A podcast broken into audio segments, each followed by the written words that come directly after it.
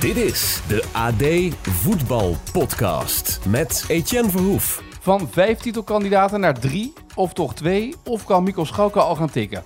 Het geheim van de laatste minuten van een helft, de stilstand in Eindhoven, de toekomst in Alkmaar, de kansen van Ajax en de drama's onderin. Het komt allemaal voorbij in deze AD Voetbalpodcast met Mikkel Schauka en met Maarten Wijfels. Het is de voetbalpodcast van 20 februari. Uh, wat was het moment van het weekend? Uh, Maarten, begin even bij jou. Wat was het moment van het weekend? Nou, dat lijkt me niet zo moeilijk. Dat was de, de late 2-1. Want dat was, ja, we zullen zien hoe het uitpakt. Maar dat was in elk geval een, een kapitaal doelpunt in de titelrace. En om meteen maar even misschien te antwoorden op jouw um, stelling. Ik denk dat er nu nog 2,5 titelkandidaat over is. Oh, oké. Okay. Wie is die half dan? AZ. Ja, AZ zullen we dan nog, hè, die moeten we er nog even bij noemen. Uh, een halfje. Maar Ajax Feyenoord, dat is nu uh, de nummer 1 en 2. En ja, en, en ja, Twente is weg en PSV, ja, gezien het programma ook, PSV ook, denk ik. Oké, okay, Mikos, wat was voor jou het moment van het weekend? Ja, je moet bij mij beginnen eigenlijk, want een, nee, maar ik ben het er mee eens. Ja, Marcus Pedersen, ja. uh, die, die eigenlijk nooit scoort. En die uh, normaal gesproken op de middenlijn staat, omdat hij met zijn snelheid de counters eruit kan halen. Die om, ik heb het nog aan slot gevraagd, maar het stond erbij. Ja, wat deed hij eigenlijk zo ver naar voren? Dat wist eigenlijk niemand. En hij zelf misschien ook niet. en hij neemt die bal en schiet hem met links, met enige fortuin natuurlijk, omdat hij uh, getoucheerd werd. Schiet hij hem binnen. En ik heb hem twee weken geleden geïnterviewd. En toen zei hij, ja, ik sta heel hoog in lijstjes. En uh, hij, hij, vertelde dat na afloop ook nog eens. Hè, van dat, dat, dat hij uh, high runs en noem alles maar op. Dat hij daar de koploper altijd in is. En dat hij dat zo graag wil behouden. En toen ging het eigenlijk over zijn doelpunten. Hè. Hij zit nu bijna op 50 wedstrijden, scoorde maar niet. En toen legde hij dat inderdaad uit. Van, ja, ja, ik sta eigenlijk altijd achterin omdat ik zo snel ben om die counters eruit te halen. Dus dan wordt het ook wat moeilijker. Nou, dan zie je dat ze dan op eigen initiatief, want het kan nog steeds in het voetbal, toch een metertje of 30 naar voren staan. En dan heb ik van de week ben ik bij Dortmund Chelsea gezien. Daar zag ik ook alles naar voren staan. En dan valt die bal eruit met die Adam Yemi. En die komt dan op die, op die uh, Enzo Fernandes af. Op, met grote snelheid. Die speelt hem uit en die maakt een goal. En daardoor Chelsea in, in, uh, in paniek op achterstand. En hier pakt het andersom uit. Hij gaat iets naar voren staan en dan schiet die bal binnen. Hij is de gevierde jongen. Ja, het kan ook anders. Hè. Als die bal weg wordt gespeeld en hij staat niet op zijn plek, zal iedereen zeggen: Ja, wat deed jij daar nou eigenlijk? Maar je ziet toch op eigen initiatief soms een beetje gevoel van een speler dat, dat, uh, ja, dat het ook het verschil kan maken. Maar het was ook het weekend van een stilgelegde wedstrijd natuurlijk hè? Uh, bij ja. Go Eagles Twente, waarbij uh, de supporters van FC Twente het uitvak een beetje verbouwden. Dat was toch een beetje help mijn man klusser. Maar die dachten die stoeltjes zijn niet mooi genoeg. En je had en natuurlijk het moment van Paul van Boekel. Die snapte dat hij uh, Kudus geen gele kaart moest geven. Uh, omdat Atsu was overleden. Dat hij dat shirt uittrok om daar een gebaar aan te maken. Vond ik ook wel mooi dat een scheidsrechter daar een keer niet denkt. Weet je wat, ja. strikte regels volgen, gele kaart. Maar gewoon denkt, oké, okay, even laten. Ja, wat mij betreft geven ze daar nooit gele kaarten voor. Maar ik kan me ook voorstellen dat er al uh, 50 momenten zijn geweest die, met, uh, die op, exact dezelfde gronden zijn geweest. Hè? Jongens die shirtjes laten tonen omdat er in hun familiekring of in vriendenkring iets is gebeurd. Ja, en, en die gaan dan wel.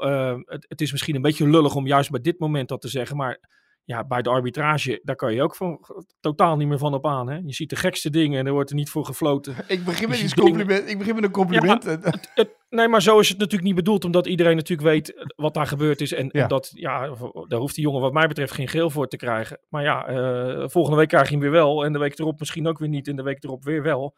Maar wat er op dit moment met de arbitrage aan de hand is, dat weet ik niet. Maar ik zie bij Nijhuis keepers door de lucht vliegen. Waarbij je blij mag zijn dat je geen beenbreuken oplevert. Hij laat maar doorspelen. Ik zie Hiegler in de Kuip. Ik geloof in de rust al zes gele kaarten uitgedeeld hebben. En, en dat viel allemaal wel mee. En van Boekel die naar het scherm rent. En, en dan toch maar denkt bij een schouderduw. Laten we daar maar een strafschop voor geven. Het is, het is, er is geen pijl op te trekken. En uh, om met Arne Slots woorden te spreken. En het is natuurlijk al jaren zo en van alle tijden. Het is erg bepalend aan het worden in, in, de, in de titelrace.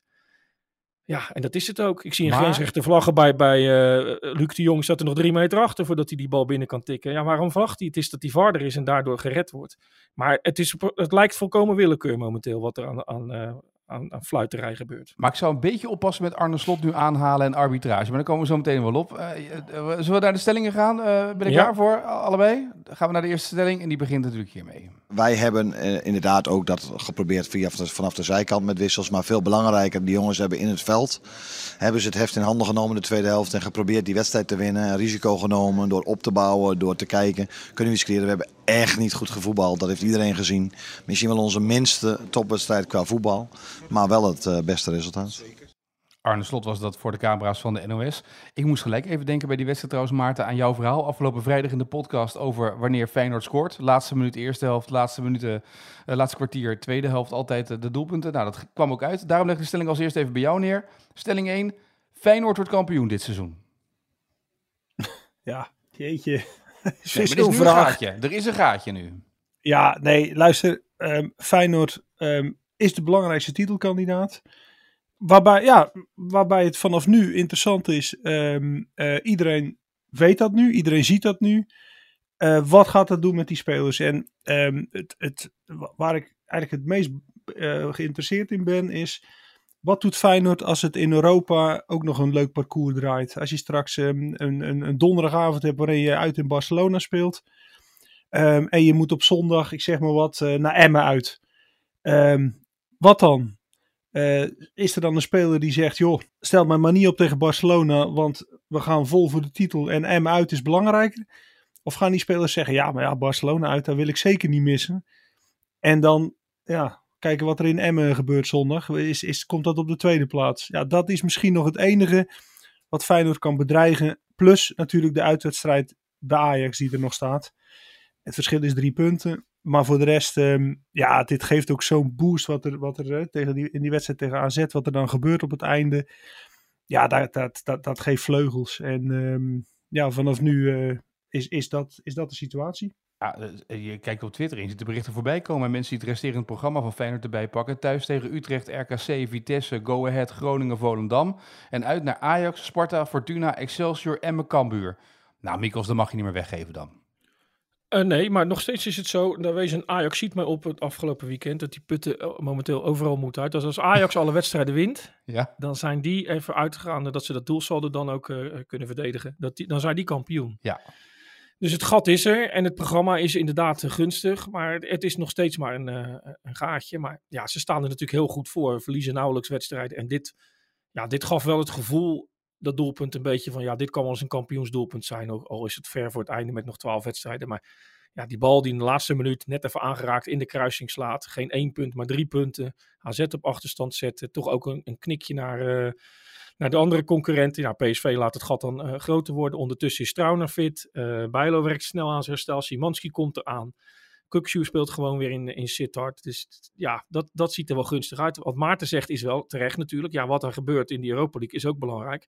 En daarom ken ik inmiddels ook Feyenoord-fans die zeggen... laten ze dan toch maar van Union Berlin winnen. Want straks voor de klassieker is het toch handig... dat Ajax ook nog een wedstrijdje heeft gespeeld... in plaats van alleen Feyenoord. Ja, dat kan natuurlijk wel bepalend zijn. Je weet toen Ajax zover kwam onder Bos hè, in, de, in de Europa League... dat het uiteindelijk punten kostte. Vorig jaar heeft Feyenoord ook wel wat puntjes laten liggen... Uh, omdat ze natuurlijk die, die reeks hadden in de Conference League. Dus het gaat ongetwijfeld uh, ja, een rol spelen. Maar het programma is, is, ziet er enorm gunstig uit. Ook een Feyenoord niet in topvorm gaat veel van die twaalf wedstrijden normaal gesproken winnen. Ja, het, het begon natuurlijk die wedstrijd. Ik bedoel, het, het, ik zat naar die wedstrijd te kijken op televisie. Toen dacht ik mij, elk stadion heeft tegenwoordig hypermoderne uh, lichtprogramma's erin zitten met van die ledlichten. Bij Feyenoord moeten de stadionlichten uit. En moeten ze het hebben van de ledboarding om er een lichtshow van te maken. Maar het begon wel even met. Dit was wel even een zaterdagavond waar, waar wat gebeurde, toch? Hebben jullie dat meegemaakt in het stadion, Maarten? Nou ja, dit, dit, dit was een, een mooi voorbeeld van dat het uh, hopelijk misschien wel vaker weer mogelijk wordt om, om toppers bij avondlicht te spelen. Want het is toch vaak zondag en dan zondagmiddag. Maar ja, dat blijft toch mooi. Dat, uh, kijk, dat, dat Feyenoord Ajax niet op zaterdag kan, oké. Okay. En, en, maar, maar, PSV Feyenoord moet toch prima op een avond kunnen. Ik denk dat wij er allebei bij waren, Mikos, 2013 hè? Nee, 2014. December 2014, 4-3 in Eindhoven. Ja, het was, was een uitgestelde wedstrijd hè? Ja, was op een doordeweekse dag. En nu hoeft dat voor mij niet op woensdagavond, want dan hebben we de deadline technisch weer een probleem. Maar gewoon op zaterdagavond, dat moet toch prima kunnen ja, heel de onzin dat dat niet kan. En, um, en, en dit was een mooi voorbeeld inderdaad. Begon, uh, begon leuk. En um, vaker doen. Ja, het was, uh, dat vind ik ook toppers. moeten eigenlijk op de zaterdagavond met lichtwedstrijden zijn. Dat zou ik echt mooi vinden, topwedstrijden, toch? Ik denk dat het voor Feyenoord gunstig was. Het geeft net even dat, dat extra uh, tikkie. AZ toch wat veel onervaren jongens. En misschien dat het dan toch net weer dat kleine beetje intimidatie had. En het begon natuurlijk met die uh, Pyro of Pyro, Pyro noem je het. Met, met al dat ja, dat vuurwerk, wat eigenlijk die lichtshow, uh, die Feyenoord inderdaad uh, tegenwoordig ook heeft, een beetje ja, naar de achtergrond drong, bewust waarschijnlijk. Maar je voelt wel aan dat er iets extra's is. Het, is, het voelt een beetje als een Europese wedstrijd die ook anders aanvoelen, normaal gesproken. Ja, en, en wat je sowieso voelt, nou, Maarten was ook in de Kuip, je voelt wel dat, dat die mensen denken, ja, dit is wel onze kans. Het is nog, het is nog ver weg, maar dit is wel een moment en we hadden verleden week zo'n soort uh, verhaaltje in de krant over, uh, ja, leeft het nou net als toen, die gelijkenis van 2017. Daar kreeg ik wel geteld één reactie op van een boze fan die zei, ja, we zijn er juist zelf hartstikke terughoudend mee met het kampioenschap en dan ga jij dus een stuk over schrijven. Maar dat was er echt maar één.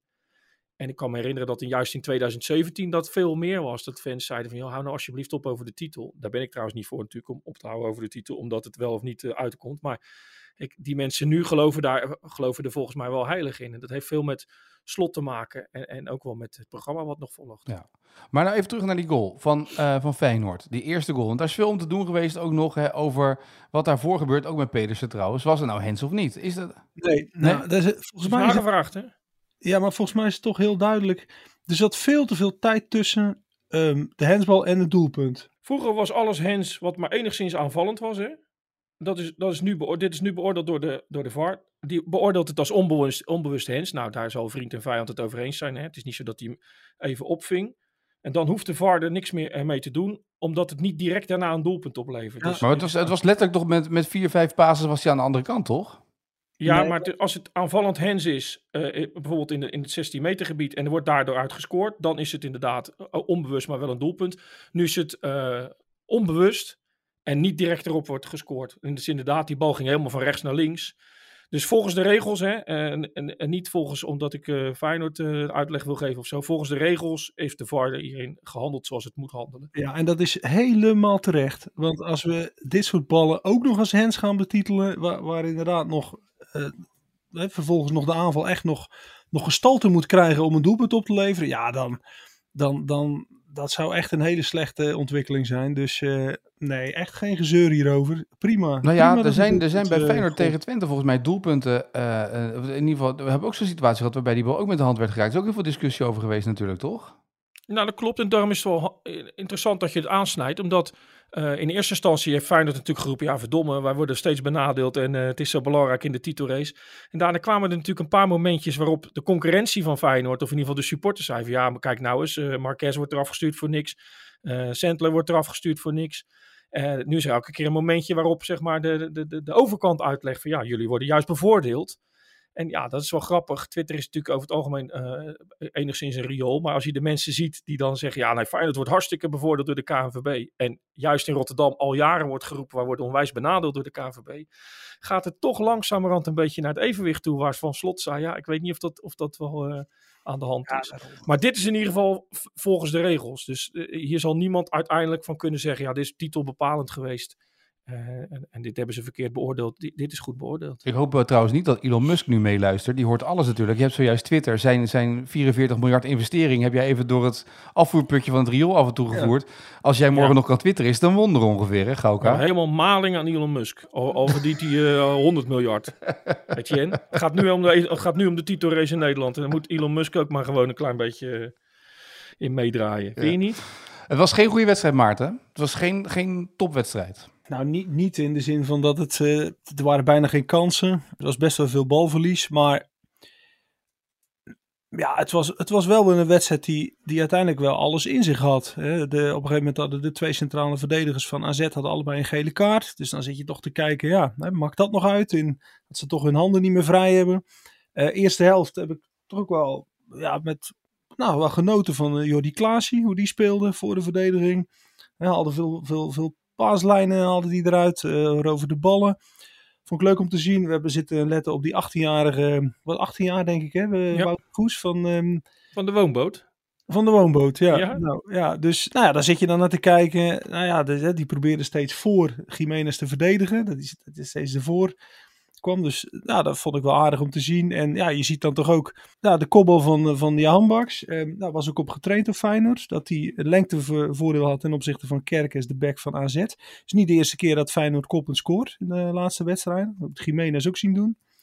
Dus nou ja, dat, dat, soort, dat soort acties, uh, daar kijk je naar. En uh, wat dat betreft vond ik het wel een onderhoudende wedstrijd. Ja, het was grappig wat, die, wat, wat Maarten zegt. Want die, die bal op Kerkers en Jaan Baks, daar was op getraind. Maar dat zien we natuurlijk niet, want alles is besloten. Alleen Danny Buis heeft een week meegelopen. en Danny Buis was in de Kuip en in de rust eh, stond hij te, te, te vertellen. En die zei nou, een beetje hoe hij dat had beleefd. Hè. Eh, en toen zei hij, echt heel opvallend, want de doelpunten hebben ze echt voortdurend op gehamerd. Bal van de linkerkant naar de tweede paal. Het lengtevoordeel van Jaan Baks ten opzichte van Kerkers en, en binnenkoppen. Wij maken tegenwoordig natuurlijk stukken die uh, direct op het fluitsignaal uh, beschikbaar zijn hè, voor lezers. Dus die mensen lopen de kuip uit, die hebben een wedstrijd gezien en die lezen dan nog een keer na wat ze zelf ook hebben gezien. Een wonderlijke wereld is het natuurlijk, ja. maar daar, daar had ik dat zinnetje ingezet, dat Feyenoord daar erg op had getraind. Vervolgens wordt dat door andere journalisten op de persconferentie aan slot gevraagd. Waarop die zegt, ja, wij trainen besloten en we hebben op meer dingen getraind. Maar het is wel leuk dat we hier ook op hebben getraind en dat dat eruit komt. En die persconferentie is afgelopen. Dus hij zegt, hoe kan het nou eigenlijk dat, dat, dat die mensen dat wisten?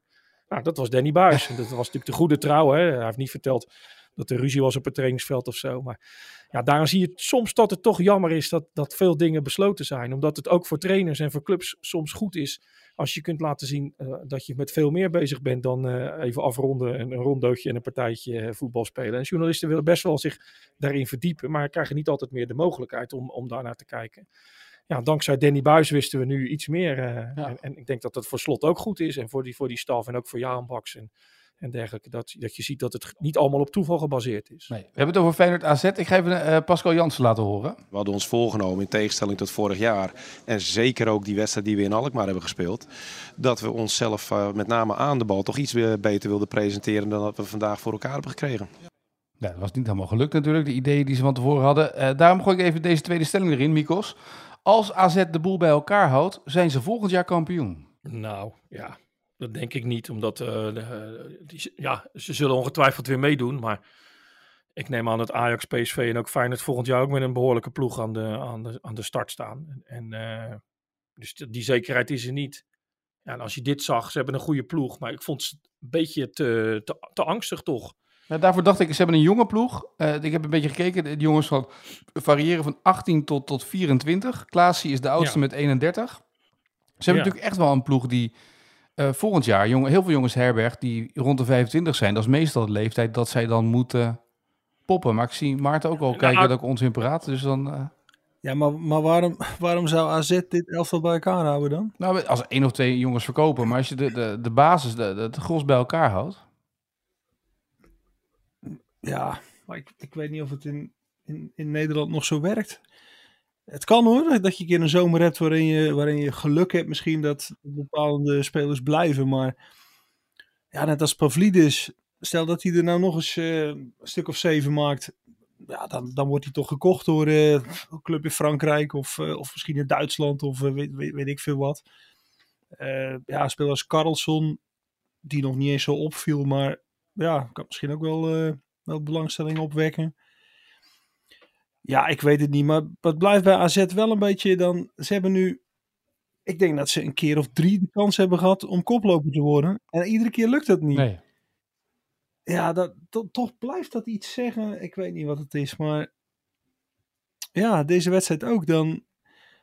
Je ging er vooraf. Ja, was echt benieuwd. Wat, wat kunnen zij nou? En de hele tweede helft hebben ze. Nou, ze, zijn, ze zijn op die ene kans van Carlson na die erin had gekund zijn ze toch bijna niet een doel, bij doel van Feyenoord geweest. Dat is dan toch weinig, ja. Geen schoten op doel. Hè? En het was nee. inderdaad, Carlson stond zo ver achteruit. Odgaard stond zo ver achteruit. Ja. Terwijl je toch dacht, ja, Timber was niet in bepaald grootste vorm. Kuksu is er niet bij. Maar de eerste helft waren ze toch, wel, was AZ, niet, uh, was AZ de betere, toch? Nou, nou, ik heb niet echt fases gezien. Dat, dat, toen deed ze wel iets, iets meer dan na rust. Maar Nee, ik vond het vooral. AZ heeft echt wel een goed voetballende ploeg. Als één ploeg Feyenoord pijn zou kunnen doen in de Kuip met voetbal, qua voetbal, dan is het AZ. Maar die hebben toch vooral volgens mij gedacht na die goal van uh, we gaan hier proberen dat, dat puntje over de streep te trekken. Ja, en als je Carlson en Odgaard zo ver naar achteren laat gaan, ja, dan haal je eigenlijk de kracht van die jongens grotendeels weg. Hè. Die staan zo ver van het vijandelijke doel. Dus ik vond, ik vond wel dat, dat het vooral uitstraalde, laten we die 1-1 hier weghalen. En ja, wat Maarten zegt, ze kunnen ook koploper, koploper worden. Hè? Als je wint in de Kuip, ja, dan deel je natuurlijk zelf een enorme tik uit. Maar daar hebben ze niet echt om gespeeld, vond ik. Nee. Het is trouwens wel opmerkelijk als je kijkt naar het wisselbeleid van Slot, uh, ook tegen PSV. Die wisselt om te winnen, hè? die wisselt aanvallend. continu aanvallers erbij, aanvallers erbij. Het is, het is heel erg... Ja, om- nou ja, dat, dat vond ik wel. Op basis van de tweede helft, als er dan nog een ploeg verdiende te winnen, dan, dan maakte Feyenoord de meeste aanspraak. En ehm, wat dat betreft, eh, ja, wat dat betreft viel er, viel er echt wel te leven met, eh, met, met, met de 2-1. Ja. En jij begon deze podcast, eh, Maarten, met eh 2,5 titelkandidaat. Ajax, Feyenoord, A Ja. of Z, een van de twee. Ehm Mikos, hoeveel, hoeveel titelkandidaten zie jij? Ja, eh, mathematisch gezien eh doet PSV ook nog mee. Maar eh, ik denk dat het na dit weekend dat we hebben gezien dat AZ uiteindelijk toch niet echt om die titel wil strijden. Want daar hebben ze te weinig voor laten zien. Dat eh, Twente afhaakt. En dat PSV ook ja, te, te slap is op de momenten dat het er echt om gaat. Al vaker dit seizoen. Dus dat het tussen Ajax en, en Feyenoord gaat. En goed, die, ploegen, die andere ploegen staan er qua punten allemaal nog bij. Maar het gevoel bij Feyenoord en, en, het- kleine gaatje met Ajax maakt volgens mij dat we nog twee eh, titelkandidaten hebben. Ja, het, is ook een beetje. Ik was eh, de zaterdag in de Kuip, eh, zondag ook bij de wedstrijd van PSV. En PSV heeft in 2023 nog maar één uitwedstrijd gewonnen. En dat was voor de beker tegen eh, Sparta. De rest niet. Dus ja, ze krijgen ook nog uitbeurten. naar Vitesse. Ehm, nou, RKC uit. Ja, dat is allemaal. Die, die gaan ook echt nog wel punten verspelen. En daar moet je dus al zes punten ehm, eh, meer pakken dan Feyenoord. Ja, dat, dat, dat wordt natuurlijk heel ingewikkeld. Overigens zag ik wel statistiek voorbij komen in die titelstrijd, wel aardig.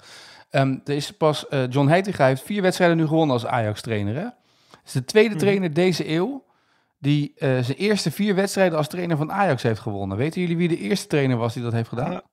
Ja, Schreuder. Schreuder, ja. Alfred Schreuder. Ja. Ja. Ja. Kan je zien dat het niks zegt? Nee. hè? nee. nee. Ja, het heeft ook allemaal met, met eh, tegenstand te maken natuurlijk. Dit was wel Sparta, maar goed, in, de- in de arena. Maar Ajax heeft natuurlijk niet het zwaarste programma gehad. Maar het kan je wel, dat hebben we verleden week ook gezegd. Net even weer die push geven om het vertrouwen te herwinnen. Om eh, ja, toch weer een beetje in, de juist, in het juiste ritme te komen. Dus het kan wel helpen. Maar ja, je zit toch een beetje te wachten op die echte topwedstrijden waarin Ajax het moet laten zien. En als je dan van de week tegen Union Berlin ziet. Ja, dan heb je toch niet het idee dat, dat het inmiddels alweer de machine is van weleer. Nee, maar jullie hebben al... De- Ajax, moet nog, Ja? Ajax moet nog naar PSV bijvoorbeeld. Ja. Ja. En ze hebben wel een moeilijk slotprogramma. Maar goed, maar het is, het, het is alleen, kijk, wat, wat wel blijft, wat we net van Feyenoord zeiden, hè, inderdaad Europees. Maar ook ja, een wedstrijd eh Emmen uit op kunstgras is in oktober wellicht een andere wedstrijd dan, eh, wat is het, eh, begin, begin mei of zo. Ja. Als, als, als Emmen ook echt met mes tussen de tanden voor, voor. Ja, maakt het misschien allemaal net anders. Die laatste wedstrijden, hè, Excelsior uit, nou, het kampioensjaar van Feyenoord, Ja. daar wil niemand meer aan terugdenken hoe dat ging. Hè, die zit er ook nog tussen. Ja, je weet het maar niet, maar ze zijn wel, eh, ja, goed, ze- zij zijn nu de favoriet, dat is duidelijk. Dan ga ik door naar de eh, volgende stelling, de derde stelling. Ik denk niet dat we heel veel weg hebben gegeven. Ook niet heel veel gecreëerd hebben de eerste helft. Maar dan, eh, ja, dan kom je 1-0 achter en dan, eh, en dan weet je toch 2 weer eh, terug te trekken. En dan, dat, ja, dat, eh, dat, dan, dan moet je dat volhouden. Ja, Luc de Jong was dit na afloop van de wedstrijd van PSV.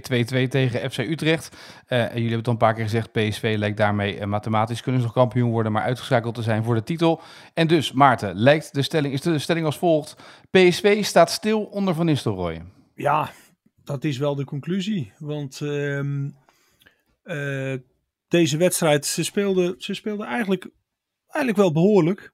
Ehm, en inderdaad 2-1 voor. Nou, dan denk je, ja, linksom of rechtsom, die haal je er dan uit. En dat lukt niet. En dat is niet de eerste keer. Hè. Laatst in de Kuip, toen speelden ze weliswaar met z'n tienen. Maar toen lukte het ook niet om een 2-0 voorsprong vast te houden. Fortuna Sittard uit, Eh, iets- 2-1 voorsprong vergeten vast te houden. Sittard, nou ja, wat ik net zeg over die uitwedstrijden, eh, dat lukt al, eh, al een tijd niet. En ja, het is toch een beetje zo dat eh, iedere keer zijn er wedstrijden, dan denken ze, nou, nu maken we het begin van, een, van een reeks. Ehm, ik heb dat in Heerenveen uitgezien. Dan wonnen ze, wonnen ze met 0-1 bij Heerenveen, waar ze altijd verloren. Dan hadden ze zoiets van, nou, dit is misschien het begin van, van, van, ja, van, van stabiliteit. Maar dat komt er dan niet. En ehm, Ajax uitwinnen is ook geen ehm, begin geweest van een, van, een, van een reeks. Dus ja, je mag inderdaad concluderen dat dat er niet in zit. En dus eh, gaat het elftal straks voor het, voor, ja, voor, voor het zoveelste jaar weer in de stijgers. Maar er moet, er moet echt wel veel kwaliteit bij. Zeker achterin. Uh, ik zat het net nog eens terug te zoeken. Het is nog niet eens zo lang geleden dat PSV in Europa met 2 van Manchester United won. Dat ze 0-0 speelden bij Atletico Madrid. En dat kwam dan toch vooral omdat ja, Hector Moreno liep dan achterin. En dat was, dat was helemaal geen wereldvoetballer, maar dat was wel, ja, mes tussen de tanden, scheermes in de schoenen en, en, en over mijn lijk uh, om een wedstrijd te winnen.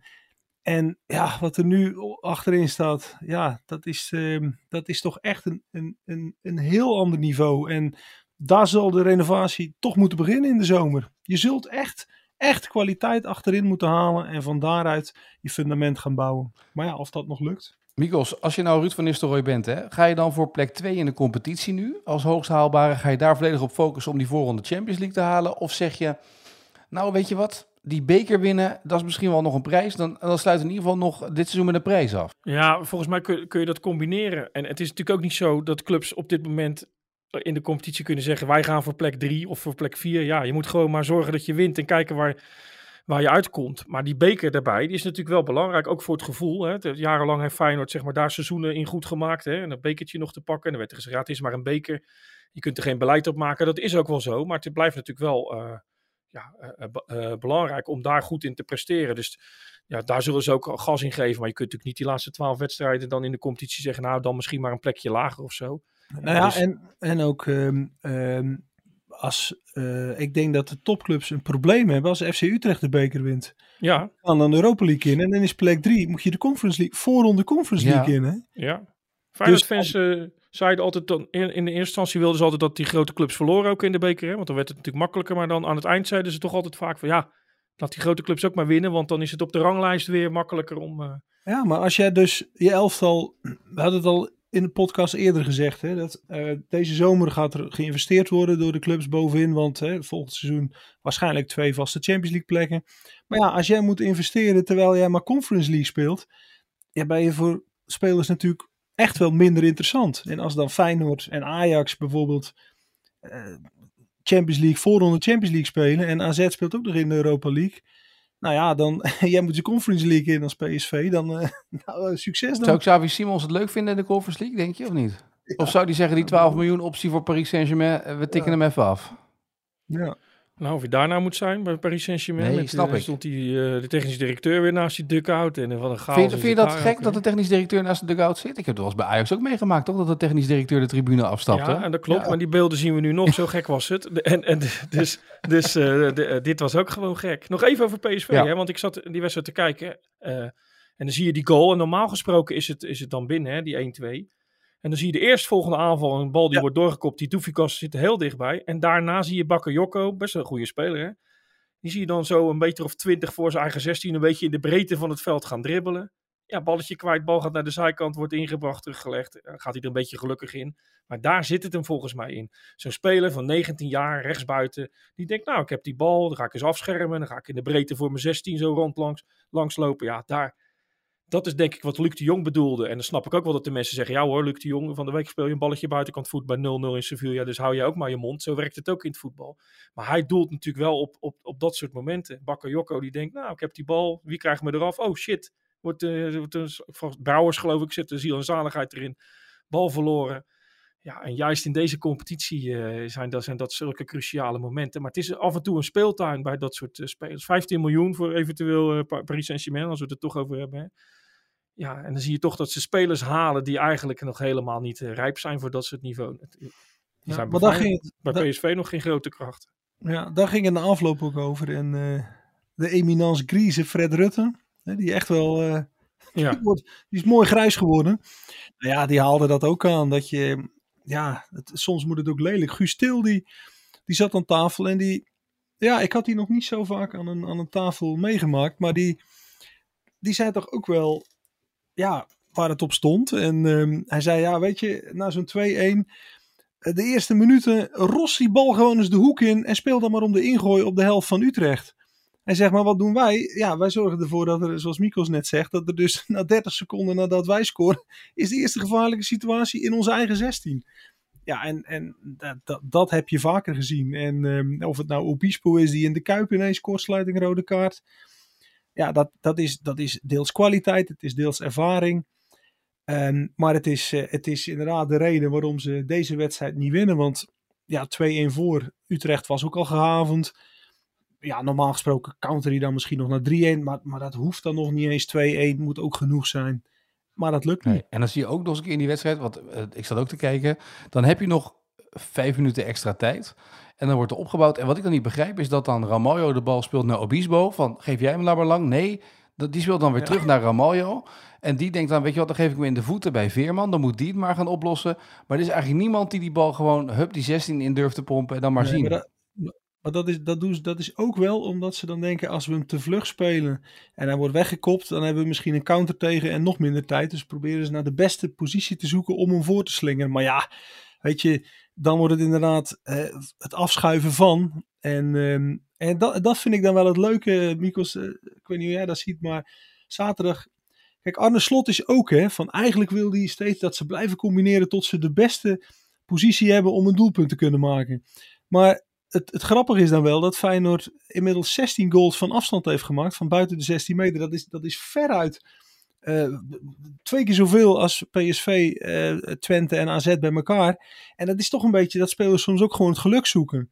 En dan kan Slot het ook wel willen beredeneren. Nee, beter combineren tot een betere uitgangspositie. Maar soms gewoon zoek het geluk en, en, en schiet op doel. En ja. dat mag van mij iets vaker soms in het voetbal.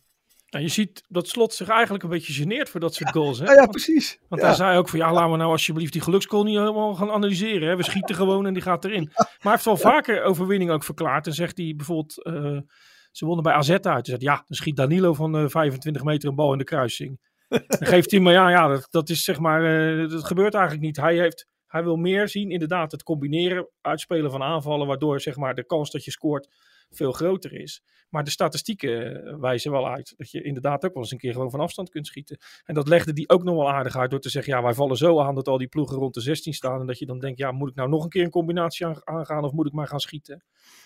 Ja, en ze vliegen er allemaal in. En, uh, of niet allemaal, maar ze vliegen veel ballen in.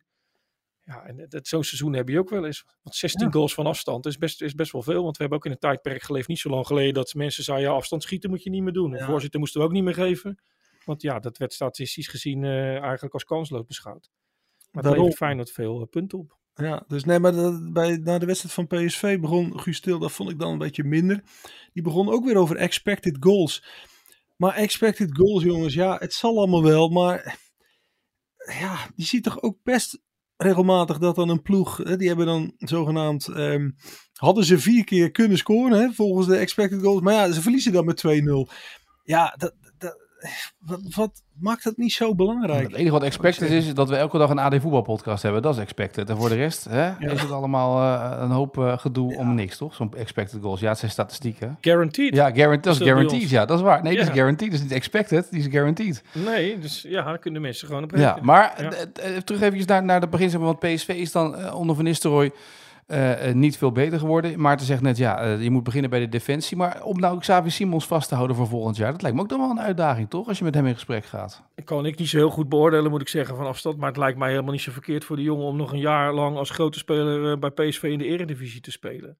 Hè, hij heeft zijn, zijn periodes bij de topclubs al gehad. Barcelona en Paris Saint-Germain. En je ziet gewoon hoe moeilijk het is om daar meteen door te komen. En eh, ja, er zit wel een clausule in natuurlijk, hè, dat, hij weer teruggekocht kan worden, maar dat bepaalt hij zelf. Dus ja, het lijkt mij niet verkeerd om bij, uh, bij PSV voor hem, om, om, het is toch uh, vrij goed gegaan in zijn persoonlijke ontwikkeling, hij heeft het WK gehaald. Ja, of hij moet denk ik wil meteen bij een ploeg gaan spelen die prijzen wint en, en, en ik krijg ergens een garantie om dat wel te doen. Maar het lijkt mij nou niet een onmogelijke zaak van PSV om hem vast te leggen. Als hij verstandig is, doet hij dat toch? Of, uh... Nee, maar dat, dat, dat is zo. Alleen, ja, je, je ziet aan hem, het is, het is echt wel een, wel een winnaar. Uh, ik zat ook op hem te letten na de 1-0 van Utrecht. Dan, dan loopt hij echt een, een, minuut gewoon echt niet begrijpend met zijn handen zo in de lucht. Zo van, hoe kan, hoe kan het nou weer dat, dat we deze bal er weer in laten gaan? En ja, uh, ik hoop voor hem dat hij, dat hij dat, dat hij daar niet gefrustreerd over raakt. Want ja, dat ga je, nou ja, dat ga je dit seizoen bij PSV nog wel een paar keer zien. En dat hij dan denkt, ja, ik hoef nu niet naar Paris Saint-Germain. Dat, dat, dat hoeft niet. Maar ja, als er misschien een iets hoger niveau uh, club in zit, wil hij dat misschien ook nog wel overwegen. Maar het is wel zo, ze hebben in Eindhoven het idee dat hij, hij heeft ook echt bewust wel voor deze stap gekozen. Er komt zo meteen natuurlijk ook het Nederlands elftal komt eraan. Volgend se- seizoen is een jaar met een toernooi. Dan wil hij natuurlijk ook een heel jaar de garantie dat hij speelt. En, dat hij, en hij kan zich natuurlijk nog wel ontwikkelen in Nederland, dat wel. Dus eh, ja, goed, ze hebben wel een kans, zeker. Maar het, eh, er moet wel kwaliteit bij. Ja, dan gaan we door naar de laatste stelling. Het was vandaag een eh, must-win en dat hebben we niet gedaan. Dat is kort hè, korte introductie. Van der Ree was dat van Groningen, eh, waar ze ook weer niet wisten te winnen tegen Emmen. Open vraag voor jullie allebei. Begin even bij jou Mikos. 12 duels voor het einde. De onderste drie dit seizoen worden. Cambuur, Ja? Excelsior, Excelsior. Kan je knippen zeker? Nee, zeker niet. Nee, laat ik staan. Nou, Cambuur, Excelsior, eh FC Groningen. Sterker nog, ik hoop dat ze dit horen, want dan kan het in de kleedkamer afgespeeld worden. En dat, dat schijnt een enorme goede motivatie te zijn. Want als jij dat dan zegt, dan Ja. zeggen jij bent toch een beetje, jij bent een beetje de Louis van Gaal voor de selectie van Excelsior. Dan, die zijn dan Messi en dan ben jij van Gaal. Dus dat is prima dat je dit zegt. Ja. Eh, Maarten? Ja, nou wil ik liefst iets verrassends gaan zeggen, maar dat valt niet mee. Want ehm, ik denk ook Cambuur, Groningen. Ja, en dan moet het, ja... Dan denk ik eerlijk gezegd ook Excelsior. Ja, want Vi- Vitesse niet meer, NEC, Go Ahead, dat is te ver weg. Eh, ja, Volendam, ja, Volendam. Volendam misschien met die onrust daar, dat zou ook nog kunnen. Alleen die zijn onder Wim Jonk realistischer gaan spelen en eh, die pakken ineens punten. De wedstrijd komt er ook nog aan. Hè? Het is natuurlijk volgende week is het nog Groningen. Die moeten nog tegen Volendam volgens mij. Dus die ploegen komen elkaar nog onderin tegen. Dus je weet het nooit. Maar Ja, nee, maar dat, dat is ook zo. Maar kijk, als je nou deze vraag stelt na 28 nee, rondes. ik stel hem oké, nu. Ik stel hem nu. Hè? Dat is leuker. Ik snap Ja. het, maar, maar, maar eigenlijk 12, 12 ronden voor het einde. Dat is, oké, bovenin hebben we, omdat Feyenoord het programma echt wel een factor kan zijn. Maar onderin 12 wedstrijden voor het einde. Man, dat is toch nog helemaal niks van te zeggen eigenlijk. Weet je hoeveel dat is? Nou ja, 12. Behalve, ja. behalve dat Cambuur maakt maar 12 goals tot nu toe. Dat is zoveel minder dan alle anderen. Dat je denkt, ja, ga die wedstrijden nog maar eens winnen. Ja. En Groningen, daar heb ik het idee van, ja, die, die hebben zich een soort in slaap laten sussen. En denken nu, ja, verdomme, we gaan inderdaad misschien wel degraderen. Die hebben heel lang gedacht van niet. En die spelen ook nog met veel jonge jongens of een paar eh, in de winterstop gehaalde eh, Scandinaviërs. En Excelsior eh, is niet omdat ze slecht doen, maar die hebben eigenlijk een selectie die daar normaal gesproken bij die onderste drie zit. En als het heel erg mee zit, zitten ze er net iets boven. Dus het zou ook geen schande zijn als die ertussen zitten. En ik had Volendam daar ook wel bij verwacht. Volgens mij heb ik die ook wel een keer genoemd toen je die vraag eh, volgens mij veel eerder stelde in, in eh, januari. Maar ja, die zijn anders gaan spelen en pakken toch wel een punten. En die hebben toch ook nog een paar jongens die een doelpunt kunnen maken. Dus, Maar eh, jong, ik, ga eventjes neer. Het is niet het, even het programma van een aantal ploegen erbij pakken. Eh, jullie noemen Excelsior. Die spelen tegen Groningen. Thuis tegen, uit tegen Groningen. Thuis tegen Sparta. Uit naar Emmen. Thuis tegen Cambuur. Thuis tegen Eagles. Uit naar Vitesse. En de laatste speeldag, 28 mei. Vorig jaar was het 29 mei dat ze promoveerden. Was het, is het Volendam Excelsior. Ja, dus dat is voor Excelsior een heel moeilijk programma. Of ze pakken juist de punten tegen de concurrenten eh, tot nu toe. Dus dat zou ook nog wel een, een kans kunnen zijn, hè? Nee? Oké, Volendam Nee, dan. echt een Eh, heel slecht programma. NEC uit, thuis tegen Emmen, thuis tegen Cambuur, uit naar RKC, Eagles en dan thuis tegen Excelsior. Je zal nou, je zal nou zitten te luisteren. Ja. Je nou, krijg je nou van zeven ploegen... Nee, ik ga je die allemaal, ik ga die 12 allemaal, door, ga die allemaal doornemen. Maar dit is toch... En is- We zijn nu vijf minuten verder. Het is nog te ver. Is het te ver? Echt nog Is het te ver? Ja, het, het, het, het Maar ze 12 treffen elkaar allemaal nog, hè? Maar Piet uit Assen, die spoelt nu terug. Nee. Die zegt, even wachten, was, was, was nou die vijfde Piet uit wedstrijd? Assen die schrijft mee. Piet uit. Piet uit Assen schrijft mee. Die weten dat allemaal. Ja, Maar hoeveel punten heb je nodig om dit jaar erin te blijven dan? Nou, 34. Ja, dat zeg je al, maar dat vorig jaar dachten ze dat eh, bij Heracles ook. Ja, maar ik ben vrij ouderwets eh, in, de vo- in de voetballerij. Het is gewoon altijd 34 geweest, dus we houden het op 34. Etienne. ja, nee, ja, ik weet het niet. 20 punten is, daar, is nu zeg maar op dit moment veilig. Ja, daar moet het nog zeker, ja, ik denk om veilig te spelen, toch zeker 12, Ja. 12 punten bij, toch? Ja, dus vier wedstrijden winnen eigenlijk voor al deze Dus ploegen. 32. Ja. ja, Kan jij het schema van Vitesse nog even opnoemen? Hoe die, eh, Tuurlijk. En dan wil ik graag weten wat die de zevende en achtste wedstrijd nog hebben voor het eind. Nee, maar daarom. En dan vergelijken we ze met Heerenveen. Ja, maar- is heel interessant, ja. ja. Ja. Maar is het toch te vroeg om hierover te lo- praten? lopen, we, lopen we nou eigenlijk, want dat, dat heb ik niet zo in mijn hoofd. Lopen we nou, ehm, zeg maar, half februari, wedstrijdronde 22. Ehm, is dat op schema of lopen we nog een beetje achter? Doordat het WK natuurlijk is geweest. Ik denk Ja, we lopen sowieso iets achter volgens mij, omdat ze, eh, de competitie iets Ja. langer duurt, toch? Ja. Ja, maar daarom, daarom lijkt het wel alsof er, eh, ja ook Etienne, alsof je een beetje gehaast bent. Zo van, het einde seizoen komt er bijna aan, we moeten al, maar dat is nog helemaal Oh, niet oké. zo. Dus deze stelling moet eigenlijk uit. Moet ik eigenlijk helemaal uitknippen. Behalve dan die, die opsomming van die wedstrijden voor Pieter Assen. Kijk. Als Excelsior dit weer luistert, dan zijn ze weer gerust. Nee, dat, dat, knip- ja, dus die, daar heb je gelijk in. Dat is waar. Ik, had- Als je, ja. Als je even kwaliteit gaat, moet dit er eigenlijk uit, ja. Ja. Maar ja. ja, Maar we hebben nu 22 wedstrijden en onze topscorer heeft er 11 gemaakt. dat is wel, En die zit op de maar dat is wel weinig, toch? Elf. Ja, het is echt heel weinig.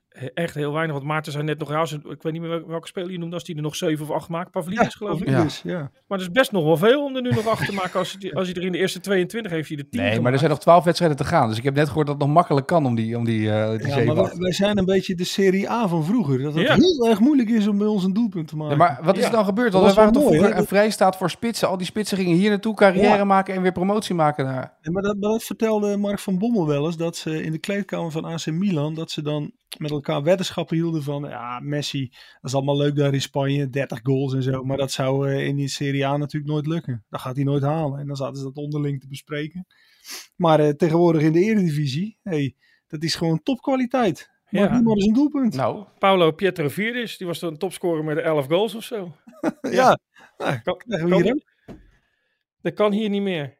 De maar eigenlijk is het wel gek, want het is, het is niet verdedigender geworden of zo, toch? Dus het moet ook met kwaliteit te maken hebben. En je kunt wel eens een seizoen wat minder goals hebben, maar het zijn er wel erg weinig op dit Ja. moment. Als laatste ook een statistiek dat het, dat het eh, vaker dan ooit 0-0 is geworden dit seizoen in de Eredivisie. nee, ja, maar Dacht ik. laten we daar heel simpel kijken. eh Mikos, jij volgt Feyenoord. Hoeveel schoten lost Feyenoord niet in een wedstrijd en hoeveel gaan er dan uiteindelijk in? Weet je? Ik bedoel, dat is toch de statistiek waar je dan heel simpel naar kan kijken. Nou, klopt. Die hebben soms natuurlijk 50 keer op doel geschoten en hun topscorer heeft er 8 gemaakt. Dus, dus, dus ja, dat was wel in de beker hoor. Die, eh, dus, dus, komt niet helemaal overeen. Maar het is inderdaad niet eh, veel. Danilo is volgens mij. Uit Ja, met Kukshoe samen, volgens mij. Samen topscorer bij Ja, Feyenoord, toch? Ja, in de Eredivisie allebei Ja. 8. Maar Feyenoord had een, het heeft een conversiecijfer van 11%. Dat is, dat is echt laag, omdat ze veruit de meeste kansen van alle Eredivisieclubs hebben gecreëerd. Maar Slot, Slot is er ook mee eens, hè. Dat, dat is echt te laag. Hij zei het zaterdag ook nog eens van ja, dat is echt mager. Maar, maar dat doen ze wel voorlopig met, met minder, doen ze wel he- meer dan de rest. Dat, dat is ook de conclusie. Ja, Dus dan kan je nog zo'n hoog expected goals hebben, maar die goals komen niet altijd, zeg maar, hè? Nee. nee ja, maar daarom. We zitten in de extra tijd van deze eh, wedstrijd. De vierde official heeft zojuist aangegeven dat we nog twee minuten hebben. Eh, hebben jullie nog eh, iets wat we nog moeten bespreken? ja eh, Chelsea toch ook een beetje. Nou, die trap is- trouwens is- tegen de hoofd van die aanvoerder, zeg. Zo. ja, ja, 10 minuten ja, buiten ook, maar Westen? ook weer. Maar ook dat, eh, ja, dat, dat gaan die dat geduld opbrengen om die trainer te laten zitten. Hè, want ja, dat, eigenlijk kan het natuurlijk niet zo weinig punten dat hij eh, dat die pakt. En hebben ze 400 miljoen geïnvesteerd. Ja, ze staan nu tiende. Het seizoen is eigenlijk al verloren. FA Cup zijn ze uit. Ze moeten natuurlijk in die, Champions League nog verder zien te komen. Maar het is wel zo. Ik kom nog wel eens op amateurvelden. Maar ik hoorde mensen vroeger nooit over Chelsea. Maar als hij dan 400 miljoen uitgeeft, dan is iedereen is enthousiast over de ploeg die zoveel geld uitgeeft en niet wint. Dus de gunfactor, ik denk dat Sjoerd wel eens heeft benoemd hier, die is wel, die is wel, eh, die is wel eh, weg, toch, bij deze club. Ja. Maar goed, zouden ze Potter er nog uitgooien, dan zouden ze weer, weer een trainer eruit gooien. Nou ja, daarom ze zeggen van niet. Maar ja, en interessant is toch ook Manchester United met, eh, met, met die Qatarezen. Ja.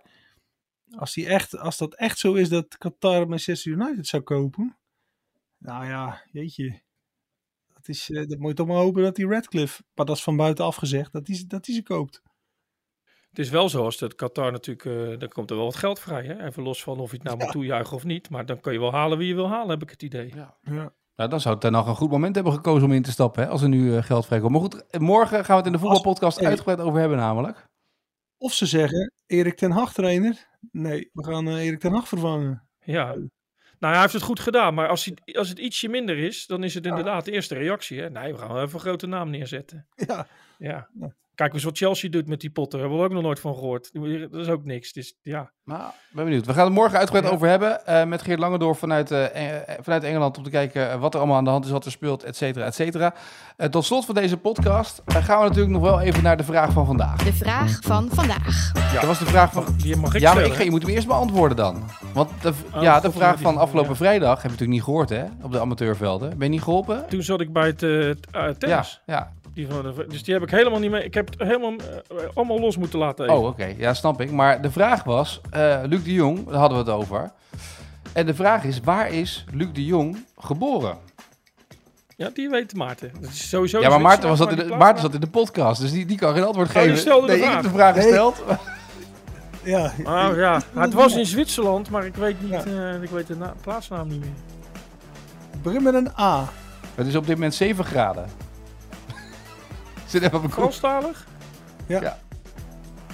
Nee, ik weet het niet.